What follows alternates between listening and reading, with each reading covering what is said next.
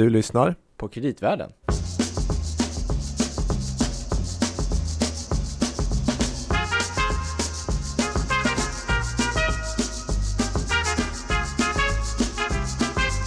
Joel Landeman, Gabriel Bregin. Danske Bank. Ja. Kul att du är tillbaka igen Gabriel. Ja, tack. Detsamma. Ja, Ja, jag är på gott humör idag. ja okej. Mm. Till skillnad från vanligt då, tänker Ja, du? extra gott. Jag fick ett nytt OS-guld. Jaha, Mm. gud det visste jag inte ens om. Nej, kan jag, Jag lär mig så mycket. berätta det här. Jag, som jag att hoppas är också här våra så jag kan lyssnare berätta. gör, lär sig mycket av den här podden. Ja. Kanske främst egentligen om kreditmarknaden, Mm. andra finansiella marknader Mm. och ekonomin i stort. Mm. Det är lite det vi brukar prata om i Och kreditvärlden. ibland lite sport. Eh, och även tåg. Just det. Mm. Men du Gabriel, jag Ja. funderar på en sak. Mm. När använde du kontanter senast? Eh, det är nog... Det är nog... Kan vara mån... Nej, vet du vad? Jag använde faktiskt i torsdags. Oj, så nyligen? Ja, eh, för då behövde jag gå in på en toalett på ett varuhus som var väldigt omodern. Ja. Så då fick jag köpa en 10 krona i receptionen Med ditt kort. med ett kort. Köpte kontanter. Ja. Mm, så var det. Så kan Du det då? vara nu för tiden. Eh, faktiskt i morse, jag köpte en ny bok av Anders Wikman. Med pengar. Mm. Mm. Kontanta pengar. Kontanter. Mm. Men visst, det är ju inte superofta. Nej. Så då börjar jag tänka på det här att är inte det ganska intressant egentligen med pengar och... Alltså vi pratar om kredit, men vi pratar, har ju inte pratat om pengar än så länge. Nej. Har vi det? Nej, nej, nej. Lite grann. Allt har väl med pengar att göra. Men då Ja. tänker jag kontanter. På något vis kan man ju tycka det om man är ekonom Ja. i alla fall. Mm. Men... eh, Hur då- ska vi ta reda på det här då? Eller hur ja, ska vi lära... men jag tänkte säga för att jag råkade också se att tydligen har ju Riksbanken något spännande projekt som de kallar för e-kronor. Mm. Och då tänkte jag nu har det ju gått för långt här. Nu, Du menar bitcoins? Ja, jag vet inte riktigt. Nej, okej. Jag tänkte vi skulle reda ut vad det är. Ja. Och då är det ju så trevligt så att vi har faktiskt en väldigt bra gäst idag från just Riksbanken. Mm. Ehm, Eva Julin, du är projektledare för Riksbankens e-krona. Och även uh, biträdande chef för stabsavdelningen på Riksbanken. Mm, hej, ja det stämmer väldigt bra. Jag är projektledare för Riksbankens e-krona-projekt som vi startade i mars förra året. Perfekt. Superbra. Välkommen. Mm, Tack. Så du kanske kan hjälpa oss och reda ut de här begreppen lite. Vad tror du? Mm, ska göra mitt bästa. Vi får se. Ja, Mm. vad härligt. Men eh, vi ska snart prata just om det här med e-kronan. Men sen är vi ju så här eh, i vår podd att vi gillar ju att försöka reda ut lite från, vi säger alltid från början. Men Mm. om man börjar med den här lite stora frågan. Vad är, vad är pengar egentligen? Mm.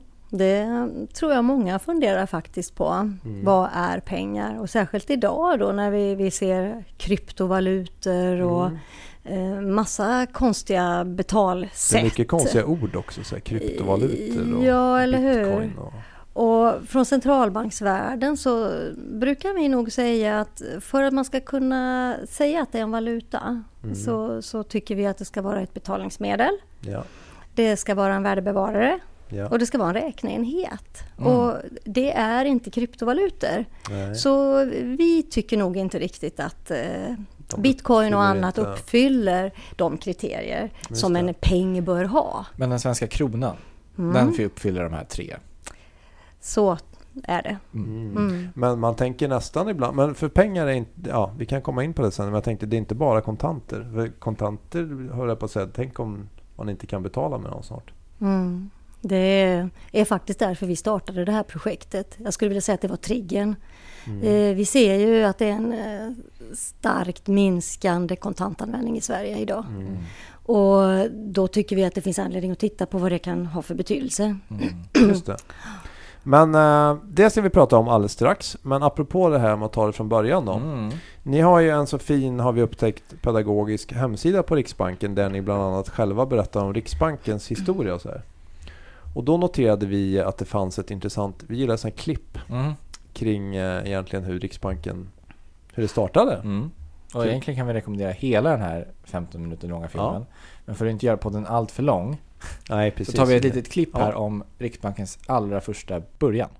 Fast egentligen började med Johan Palmstruck, köpman från Riga, som finansierade en del av Karl X Gustavs krig och passade på att be kungen att få starta en bank. 1656, Stockholms Banco, stor succé. För köpmännen slapp asar runt på de tunga kopparplåtarna, fick sätta in dem i banken och då fick de ett insättningskvitto som de började handla med. De första sedlarna i Europa. Och det gick bra i början, men sen blev de för många och då blev folk oroliga och ville ha ut sina plåtar och det hela började gunga. Och då bestämde riksrådet att man måste avveckla den här rörelsen. Men då hade adeln lärt sig att det var väldigt behändigt med en bank. Så de fick med sig präster och borgare på att 1668 grunda Riksens Ständers Bank. Från början. Väldigt intressant historik det är ju. Mm. Världens äldsta centralbank, har vi det? Mm. Vi fyller 350 år i år. Mm. Mm. Men Kan man säga, de här första då, plåtarna från Stockholms Banco, kan man Mm. säga att de uppfyllde alla de här tre kriterierna? Skulle man nog kunna säga, fast lite otympligt. Mm. Alltså ett betalningsmedel eh, ska ju vara lite enkelt. Mm. Och det var ju därför sedlarna blev en sån succé. Jag läste att det var någon sån här kopparmynt på den tiden som vägde 2,7 kilo och liknande. Mm. Det är inte Det är en lätt att släpa runt det. Mm. Och sen så fanns det väl ett annat problem då att den inte höll. Alltså att den klarade inte av... Det blev inflation. Mm. Mm. Men det där är ju faktiskt väldigt intressant apropå nu. För man pratar om att vi har liksom en... eh, en vad ska jag säga? Att vår, vår valuta bygger på förtroende på något vis. Eh, att det inte finns backning nödvändigtvis av någon guldreserv eller någonting för varenda krona. Liksom. Men att det här var ju samma system dock att han hade, om jag förstod det rätt, den här Palmstruxiga banken så fanns han hade inga reserver alls. Eh, och då är det klart att då kan det ju bli väldigt tufft när det börjar, börjar Ja. svaja. Liksom. Men Mm. att det är ändå en intressant parallell till vårt Mm. nuvarande system faktiskt. Mm. Det har ju funnits olika system då när det gäller att säkra upp Mm. pengar. Mm. Och Palmstruck hade ju silvermyntfot om man ska uttrycka det lite Okej, ja. eh, så- övergripande. Mm. Eh, och sen har det ju funnits olika sådana system. Nu bygger ju sedlar på, skulle jag vilja säga, trust. Mm. Vi litar på centralbanken. Det. Så det står Sveriges riksbank på sedlarna och det är det som är garanten då. Vi har ett, Innebär det- ett sedelmonopol då. Innebär det också Ja. att man måste lita på svenska staten? Svenska statens finanser? Hur påverkar den förtroendet för de svenska pengarna? Ja, det, det är klart att under de här 350 åren Mm. så har vi ju sett förstås eh, att när eh, statens finanser är dåliga Mm. så påverkar det naturligtvis valutan. Mm. Eh, så så är det ju förstås då. Det kunde man se bland annat i det här fortsättningen med klippet att Karl XII kom på där att han kunde nalla lite av Riksbankens pengar för att finansiera Mm. krigen. Mm. Mm. Så att, men det som är intressant då, för Ri- Riksbanken grundas här, får man Mm. veta, och sen så fortsätter andra banker att ge ut pengar i jämsides med Riksbanken. Och Riksbanken lånar också in och ut. Va? Det är också en bank, ungefär som vi tänker på bankerna idag, Mm. under den här tidiga perioden. Alltså, und, ända fram då till 1904 så var det ju faktiskt så att privata banker gav ut sedlar. Mm. Och det var ju en utredning då i slutet av 1800-talet som, som visade att det här var kanske inte så bra. Eh, det skapar lite oro när det finns olika utgivare av sedlar och de blir olika mycket värda beroende på just hur mycket man litar på utgivaren. Och På kreditrisken helt På enkelt. kreditrisken ja. Mm. Och då så bestämde man då efter många års utredande att det vore lämpligt att centralbanken fick sedelmonopol. Mm. Och det har vi ju haft då sedan 1904. Men Så det är att- också intressant. Det är ju inte så himla länge egentligen. På något Ja, vis. drygt 100 år Ja. då. Och, ja, För innan dess då kunde man ha en eh, sedel som var från inte vet jag, Värmlandsbanken eller någonting. Och den, Mm. ja, det var bra så länge det gick bra för Värmlandsbanken. Mm. Och sen gick det inte så bra. Kanske. Men, och Mm. då, eh, ja för nu har man precis, man har frikopplat eh, den här betalningsmedelsfunktionen eh, med eh, bespar, alltså att man använder det för att spara pengar eller liksom, som man gjorde då i de här bankerna. Mm. Men eh, Riksbanken lånar ju inte ut pengar längre, som man också gjorde på den där tiden. Riksbanken lånar ju inte ut pengar till, till allmänheten. Nej.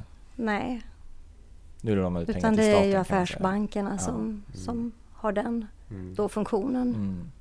Mm. Och om vi då kommer in på det här med vad som är pengar som vi sa. Då är det kontanter en del men sen är det då det är egentligen en liten del av hela penningsystemet så att säga. Mm. Det har ju funkat så att även om, om då Riksbanken har sedelmonopol så genererar ju då affärsbankerna pengar. Eh, lite slarvigt så brukar vi ju säga att affärsbankerna skapar pengar Mm. genom kreditmultiplikatorn och att man via inlåning kan låna ut och man kan låna ut lite mer och det blir pengar i systemet och det är ju en större andel av pengarna så att säga som är affärsbankspengar idag mot då centralbanksutgivna då kontanter. Det är en ganska liten del. Och på så vis som Riksbanken styr här då är det, och staten så är det via regleringar av bankerna och vilka reserver som bankerna ska hålla mot den här utlåningen egentligen. Ja, Och då kan man också styra det här som du säger, den här kreditmultiplikatorn. Hur mycket kapital måste banken hålla? mm, mm, enkelt uttryckt. Enkelt uttryckt, ja. Precis. Och eh, man kan, men man kan väl även säga, för då kan man säga att det, det såklart på sätt och vis finns risker med det här. Men samtidigt har det ju uppenbarligen varit också väldigt stora fördelar med att införa det här systemet. I att man är eh, ja, men just eh, mer fri i utlåningen och att det kanske kan gynna eh, hur ekonomin kan växa och så vidare och företag kan växa och Mm. låna pengar egentligen. Mm, absolut. Det vi ser idag som är intressant det är väl just att funktionen betalningsmedel när det gäller då eh, kronor Mm. fungerar ju sämre och sämre. Mm. Och det är väl den delen då som vi har intresserat oss, oss för mest i E-krona-projektet. Hur ska allmänheten fortfarande ha tillgång till att kunna betala med eh, riskfria betalningsmedel? Varför är det så? Alltså, har ni tagit reda på varför har det blivit så? Är det bara teknikens utveckling? Vi är vi inte ganska extrema i Sverige i det här avseendet också? Mm. gäller- Mm. Sverige är ju ganska unikt. Vi har väldigt eh, liten kontantanvändning om man, om man jämför med nästan hela världen. Mm. Norden är ju lite liknande. Men åker du bara till Tyskland så Mm. ser man fortfarande att det är kontanter man använder när man Tyskland handlar. kan man alltid lita på. Det är det jag alltid har sagt Gabriel. Mm. Ja. Ja. Och jag tror att det styrs av dels teknik förstås. Eh, sen också demografi brukar vi säga. Mm. Yngre eh, delar av befolkningen är mer digitaliserade och är väldigt snabba på att ta till sig de här nya di- digitala betalningsmedlen. Eh, och vi har också ändrade betal, handelsmönster. Mm. Vi handlar på nätet. Det är inte lätt att betala med kontanter över nätet. Nej. Så att det, det är mycket som påverkar Men det här. är det inte enorma risker med det här då? För att någonstans, tänk om eh, det här betalningssystemet är digitala, att det blir något vad säger, strömavbrott eller teknik. Då har man inget alternativ eller? Mm. Vi har resonerat lite kring just det här med risker och precis som du säger, det är väldigt sårbart idag. Eh, både att nätet ska fungera, elen ska fungera Mm. eh, för att betalningarna ska då vara smidiga. Kontanter är ju ett alternativ till det, Mm. så som det ser ut idag. Eh, förstås. Mm. Men hur, för jag tänker ur ett säkerhetsperspektiv så skulle ju Riksbanken ha kunnat sagt att vi tvingar bankerna att hålla kontantservice i alla städer eller någonting liknande. Så som en sorts, det är viktigt att för vår allmänna, liksom, att, det här, att det funkar. Vi har reservsystem om inte annat. Mm. Den eh, tanken eh, framkommer ju emellanåt idag. Det Mm. finns ju också en, en utredning idag som tittar på Riksbankslagen. Mm. Där man då touchar de här frågorna kring vad är bankernas ansvar? Vad är Riksbankens ansvar? Hur ska det se ut med, med kontantanvändningen framöver? Och då kommer e-kronan helt enkelt på tal. Så vad... vad får- jag vet inte var man ska börja med den här e-kronan. det är väl det som är vad många är det? problem. vad, vad är det? Funkar? Nej, men vad är den största skillnaden mot till exempel om man har pengar på ett bankkonto? Den enskilt största skillnaden det är ju lite grann det här som vi pratade om Mm. innan. Du har en fordran på staten, Riksbanken. Mm. Ja. Eh, alla andra pengar är fordran på en privat aktör. Mm. Så, så enkelt, det, det är det som är Fast, skillnaden. med, fast det finns en insättningsgaranti då kan det finnas. Det kan det finnas. Men det, Ja. är, det är ju bara upp till ett visst belopp då i och för sig. Precis. Ja. Men en sån här e-krona till exempel, skulle den kunna, kan man få ränta på den? Alltså den finns ju inte ändå, men det, skulle man kunna få ränta på den? Mm. Precis hur en e-krona då, om vi nu väljer att ge ut en Mm. kriterierna och hur den ska se ut, det har vi ju inte då fastlagt än. Nej, Men just det här med ränta, det har vi sagt att eh, initialt ska inte e-kronan uppbära ränta. Och vi jämförde då med, med sedlar och mynt som inte Mm. Ja. heller har ränta. Nej, just det. Just det. Man är helt enkelt utsatt för inflationens fulla kraft. Oh ja. Ja. Men skulle den kunna vara bara på små belopp eller även stora summor? Det kanske ni inte heller vet eller? Det finns olika aspekter på det tänker jag. Eller? Ja, det gör ju det. Och I vår rapport så har vi ju då försökt att presentera två alternativ som vi kan se oss. Och det ena är ju då det vi kallar för en värdebaserad e-krona. Och då tänker vi mera typ kort, eh, typ app.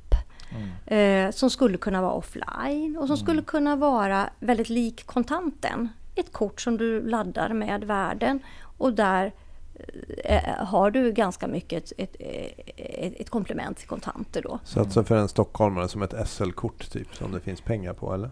Ja, Så, och tappar Ja. jag bort det kortet då eh, finns det ingen, då är det borta liksom. då är det borta. Ja. Precis som när du tappar din plånbok Ja, med kontanter. Då. Mm. Och den andra varianten det är det vi kallar en registerbaserad e-krona. Och då är det mer att du har ett konto. Och du har ett konto hos Riksbanken, en fordran på Riksbanken. Mm. Och Så det är det det- som är den stora vinsten kanske jämfört med dagens system. För då får man någonting annat. Då får man någonting där ni har full kontroll över också hela... Det du får med en registerbaserad är ju kanske framförallt också eh, en parallell infrastruktur. Mm. Lite ökad redundans i, i, i, i betalningssystemet. Mm. Vilket vi vet idag är väldigt sårbart. Det är den infrastruktur som, under, som finns underliggande. Mm. Den eh, ägs av ett fåtal aktörer tillsammans. Och det, det är samma Riks- plattform. Eller, nej. Bankgirot. Ja, Bankgirot, ja. Och, och det är klart att eh, ytterligare en aktör till då med ett parallellt eh, system och en infrastruktur gör ju att vi, vi har lite ökad redundans då. Mm. Så att eh, det minskar ju riskerna och sårbarheterna. Som det. vi brukar prata om single point of failure. Mm. Så det, det, Men i, i den varianten då blir det- skulle det bli någon form av kon, nästan konkurrent då till att man har ett bankkonto ju kanske eller? Jag, jag liksom tycker får inte man ska se Nej. det så utan snarare att det finns ett erbjudande. Mm. Eh, samhället har fortfarande erbjuder fortfarande allmänheten att ha då centralbankspengar nu Mm. i digital form och det kan finnas på ett konto.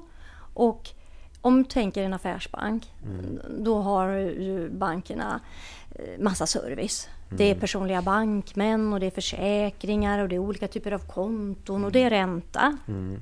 Inte minst ränta, kanske. och, och det är ju ingenting som är en e-krona, utan Nej, det är något det. annat. Och då tror vi att eh, de flesta kommer nog behålla sina vanliga pengar på sina bankkonton. Men för att jag tror ni, namnet för övrigt är, kan jag rekommendera alla om ni är intresserade att läsa den här rapporten som ni gav ut. För den är väldigt spännande. Den är från september 2017. Riksbankens e-krona-projekt. Uh, finns det väldigt mycket matnyttigt. Men jag bara tänker så här, det är mer hypotetiskt. Men om man tänker sig en eh, miljö då där allting blir väldigt skakigt och så blir man väldigt orolig för affärsbankerna. Så skulle man ju då kunna tänka sig att då kanske man tycker att ja, ja men det, på det där Riksbanks e-kronan får jag ingen ränta. Men det vet jag ju att det är i alla fall Riksbanken som Mm. står i garant. Så då flyttar jag över alla pengar dit. Så att det kan ju få, skulle i så fall kunna påverka då även kanske hur ni måste bedriva penningpolitiken bland annat och finansiell stabilitet och sen också väl. Mm. Absolut. Eh, Det är ju som jag sa att om man tänker i ett normaltillstånd så tror vi att efterfrågan då kanske är relativt låg. Eh, Men det är klart, i händelse av finansiell kris och oro då skulle ju det kunna vara mer attraktivt att, att ha e-kronor eh, som en säkerhetsåtgärd. Och i det läget så skulle man ju till och med kun, kunna spekulera i att kanske ge det en ökad stabilitet i samhället om tillgångarna finns hos Riksbanken. Än hos då de banker som anses skakiga. Så skulle man kunna tänka. Det ger också allmänheten möjlighet att faktiskt kunna spara sina tillgångar på ett säkert ställe. Så det finns ju för och nackdelar. Samtidigt så kan det väl då spä på, om det är en bank som har, är lite skakig liksom, så kanske den tappar kapital snabbare än den annars skulle göra om folk tar ut sina pengar. Så, så skulle det kunna Ja. vara. Och där är det klart, där kommer ju Riksbankens eh, andra roller in. Mm. Där man naturligtvis måste bevaka och iaktta och ta hand om, eh, tom- om stabiliteten då av de, Mm. de effekterna. Samtidigt kan ju affärsbankerna också låna upp hos Riksbanken. Ja, just det. Alltså det finns en del aspekter här onekligen. Mm. Det är väl Men- också så om man, om man tänker sig att det skapas en e-krona och folk flyttar pengar från bankkonton då till e-kronan då, och, och banken tappar en del eh, ja, men inlåning som den använder som grund för sin utlåning då. Då eh, kanske också utlåningen kanske växer mindre snabbt. Man kan, alltså, det skulle kunna vara så. Vad ska Riksbanken göra med inlåningen så att säga? Vad finns det på andra sidan för er? Nu så köper man ju statsobligationer men vad skulle man kunna göra? Ska man låna ut pengar till allmänheten igen eller? Eh, den typen av frågor är ju ingenting vi har eh, studerat närmare i E- E-krona-projektet eh, ännu. Självklart måste vi ha en förvaltning av de här Ja. pengarna som, som ligger då hos oss förstås. Eh, Det Som har vi ju idag. också, ja. Det har vi ju idag också. Så att det är inte det. någon större skillnad. Mm. Rent tekniskt för den här e-kronan, för att alla sådana här kryptovalutor då brukar man prata om den här blockkedjetekniken. Är det då någonting som skulle kunna användas även vad gäller den här e-kronan? Eller? Mm. När det gäller tekniken så har vi ju sagt att först måste vi eh, klargöra exakt vilken e-krona vi vill ha. Sen bestämmer vi oss för teknik. Ja. Så vi vill vara så att säga te- teknikneutrala. Ja. Det drivs inte av fintech och ny teknik det här Nej, projektet. det. Men vi har också sagt att vi ska absolut inte utesluta ny teknik. Och vi har då eh, bjudit in eh, teknikföretag att komma med förslag. Eh, och där visar det sig att det koncept vi presenterar, det kan eh, genomföras både med gammal teknik och ny teknik. Så att det blir spännande. Vi får se vad som blir mest lämpligt här sen framöver. Ja, just det. Just det. För det finns ju både, jag tänker den här eh, alltså kryptovalutorna och så vidare. Att är det, ska man se det som någon, som du sa, ni ser kanske inte det som valutor idag men att det skulle, kan det bli kan man tänka sig att det blir någon sorts konkurrerande penningsystem av dem? Liksom, om man, det kanske som, jag vet inte, i bitcoin till exempel har jag förstått, de är liksom ändliga, eller det finns en maxgräns för hur många de kan bli och de är väldigt svåra att handla med och så vidare. Så det kanske inte är framtiden men det kan ju komma någon annan variant på det där som blir populär av någon anledning. Jag tror att det, det är precis det man, man måste bevaka framöver. Och där kommer vi ju åter tillbaka då. Ska staten ha en roll när det gäller betalningar? Och ska vi erbjuda ett komplement då som också är digitalt när då allmänheten efterfrågar möjlighet att betala digitalt. Och jag tror att de här eh, möjligheterna som finns idag det är ju, det är ju positivt för oss alla. Vi, vi tycker ju att det är rätt kul när det kommer nya betallösningar och nya appar och så här. Och det är, det är en teknisk utveckling och inte någonting jag tycker man ska se negativt på. Men eh, staten måste ju fundera på vilken roll man ska ha i det här framöver. Ja, men jag tänker även, det kan ju finnas aspekter återigen med säkerhet men om det skulle visa sig att det är mycket kriminella som använder exempelvis bitcoin för att det är lättare att gömma transaktioner och intjäning så tänker jag att då kanske man måste lagstifta till exempel. Eller vidta andra åtgärder. Mm. Det, det pågår ju en sån diskussion internationellt. Eh, där man vet att de här anonyma då, kryptovalutorna av olika slag kanske används till sån verksamhet som du säger. Ja. Men kan det påverka också penningpolitikens alltså, effektivitet? Om människor använder en annan, ett annat betalningsmedel än det som penningpolitiken påverkar så kanske det inte, eller det påverkar finansiell stabilitet. Ja, om det skulle bli väldigt, väldigt omfattande och eh, betalningar sker bara via eh, valutor som är helt anonyma, Mm. sköts av privata företag, bygger på infrastruktur som finns internationellt. Då är det klart, det är en helt annan värld och det påverkar naturligtvis då centralbankernas, eh, framförallt kanske arbete med finansiell stabilitet men också då styrsystemets effektivitet. Och det gör väl att de flesta centralbanker då tittar väldigt mycket på det här och funderar. Men det är ju ändå små eh, volymer idag. Så, Ja. så det här är ju ingenting som vi ser påverka någonting idag. Det ska Nej. man ju vara väldigt noggrann med. Mm. Men jag tänker det kan ju även gå utanför Riksbanken om det handlar om statens förmåga att få in skatter till exempel. Så kan det ju även... eh, Men som du säger, det kanske inte är mycket idag men att det skulle kunna bli. Eh, Men eh, vet du, finns det några andra liknande projekt som det ni håller på med, alltså internationellt? Är det fler centralbanker som tittar på? Mm. Senaste, eller sista året skulle jag säga så eh, har många centralbanker börjat att titta på den här frågan. Men man tittar på det ur lite olika perspektiv. Och eh, om vi tar Bank of England så tittar de väldigt mycket på effekter på just penningpolitik och finansiell stabilitet. De eh, har det inom sitt forskningsområde. Okej. Ehm, vi har finländarna som tittar rätt mycket på ny teknik, fintech, och är duktiga på det. Ehm, norrmännen är ganska lika oss, tittar lite mer praktiskt. Betalningsmedel, man ser en minskad kontantanvändning, man tar det perspektivet. Så jag skulle vilja säga att det varierar eh, i världen Ja. hos centralbanker, eh, vilken ingång man har i det här. Ja. Men alla tittar på eh, den här typen av frågor idag. Så ja, är just det. det. Mm. Just det. Men det är inte så att det finns en sam, något eh, samkört projekt att alla ska införa digitala valutor inom kort. Liksom, utan det är ganska, man är ganska, tidiga, det är ganska tidigt för de flesta.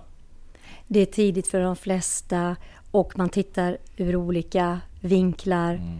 Eh, men eh, man diskuterar mycket med varann. Mm. Och eh, vi i Norden har ett bra samarbete Mm. och försöker att både hjälpa varann och eh, titta på olika frågeställningar tillsammans. Och Just det. ECB har väl pratat en del om ja, men risken för penningtvätt och, och den typen av grejer. Så man, den här 500 eurosedeln till exempel som det har varit en del snack om. Så där kanske man har det perspektivet snarare än något annat som vi har räknat upp. Då. Mm. Det är ju det är en viktig fråga och det är ju någonting vi måste bevaka också om man skulle in, införa en e-krona. Så Mm. får man fundera på både frågan kring anonymitet, integritet Mm. men också då i relation till eh, de här svåra frågorna med, Mm. eh, med penningtvätt, terrorism, eh, finansiering Ja. och så vidare. Finns det någon risk att, liksom, för det blir ju, då blir det ju ett helt tekniskt system. Eh, Jag brukar inte vara rädd, så, så rädd för teknik men nu- så jag ställer den här frågan åt Louis. men, Tack, tack Adrian. men som du var inne på att det finns tekniska risker med dagens kort och sådär. Det kan finnas en del risker med en e-krona också. Ganska intressant för hackare kanske om man vill ta sig in och påverka betalsystemet. Mm, absolut, det måste väl vara alla hackares dröm kan jag tänka mig. Ja. Men jag brukar tänka så här att när vi ger ut sedlar och mynt så är vi jättenoggranna med att det ska vara hög säkerhet och ska vara mer eller mindre omöjligt att förfalska. Och skulle vi ge ut en e-krona så får vi ju ha samma höga säkerhetstänk då kring det. Mm. Så det blir ju en jätteutmaning, Mm. eh, säkerhetsfrågorna. Mm. Absolut. Finns det någon, eh, som- hur ser det ut framöver då? Vad är, har ni någon tidsplan eller är det mer att ni kollar på den här frågan och återkommer så småningom? Eller hur? När vi startade det här projektet då förra året så, så insåg vi ju att här händer mycket. Och vi behöver vara fle- flexibla i projektet. Vi Mm. behöver kunna stanna projektet när som helst om det Ja. skulle behövas. Eh, vi kanske behöver byta fokusområde om det behövs. Mm. För det händer så mycket. Och då sa vi så här att vi indelar projektet först i tre faser. Mhm.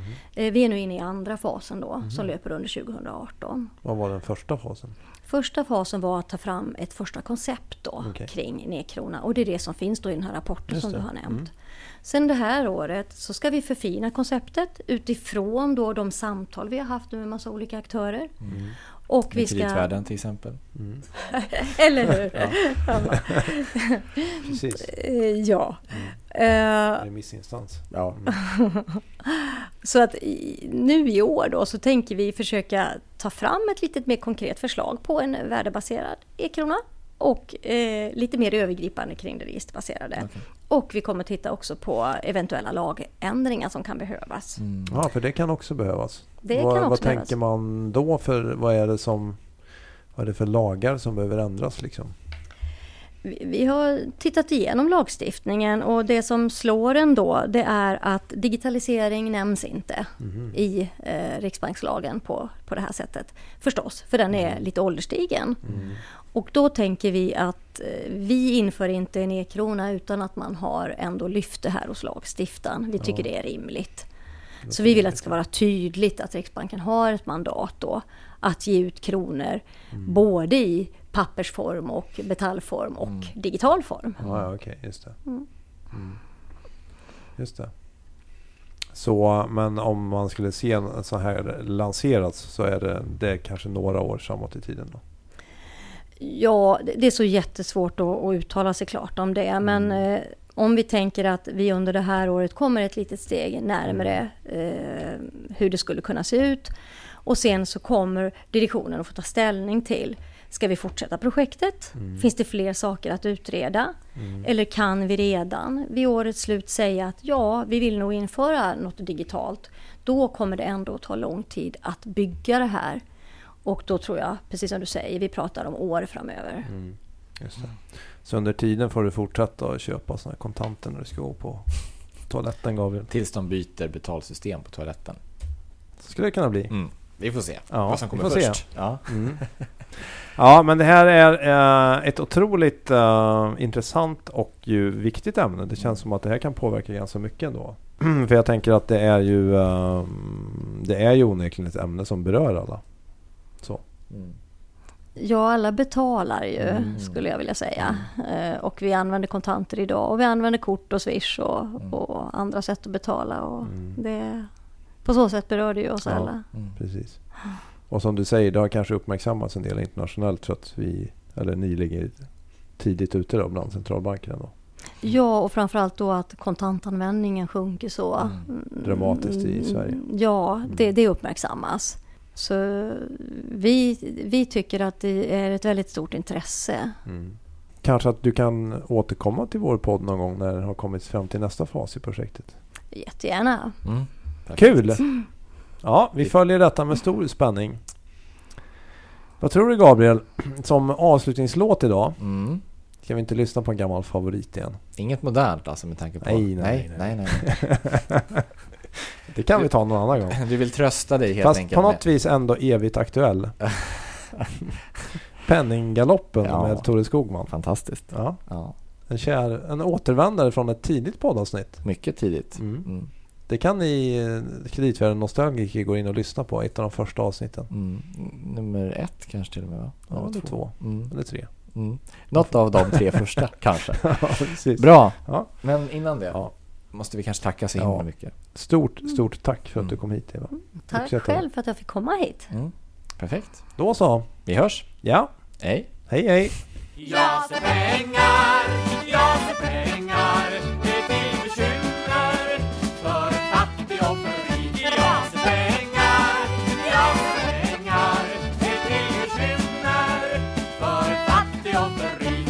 Och gubben satt i lampans sken och räkna upp ur portmonnän. Kronor en, kronor två, kronor tre, kronor 4, kronor fem, kronor sex, kronor sju, kronor 8 och 21 Ja, det är visst och sant. Han var så glad åt varje slant. När han räknade på nytt och på nytt och på nytt Så fort han nått sin hand. Jag ser pengar, jag ser pengar.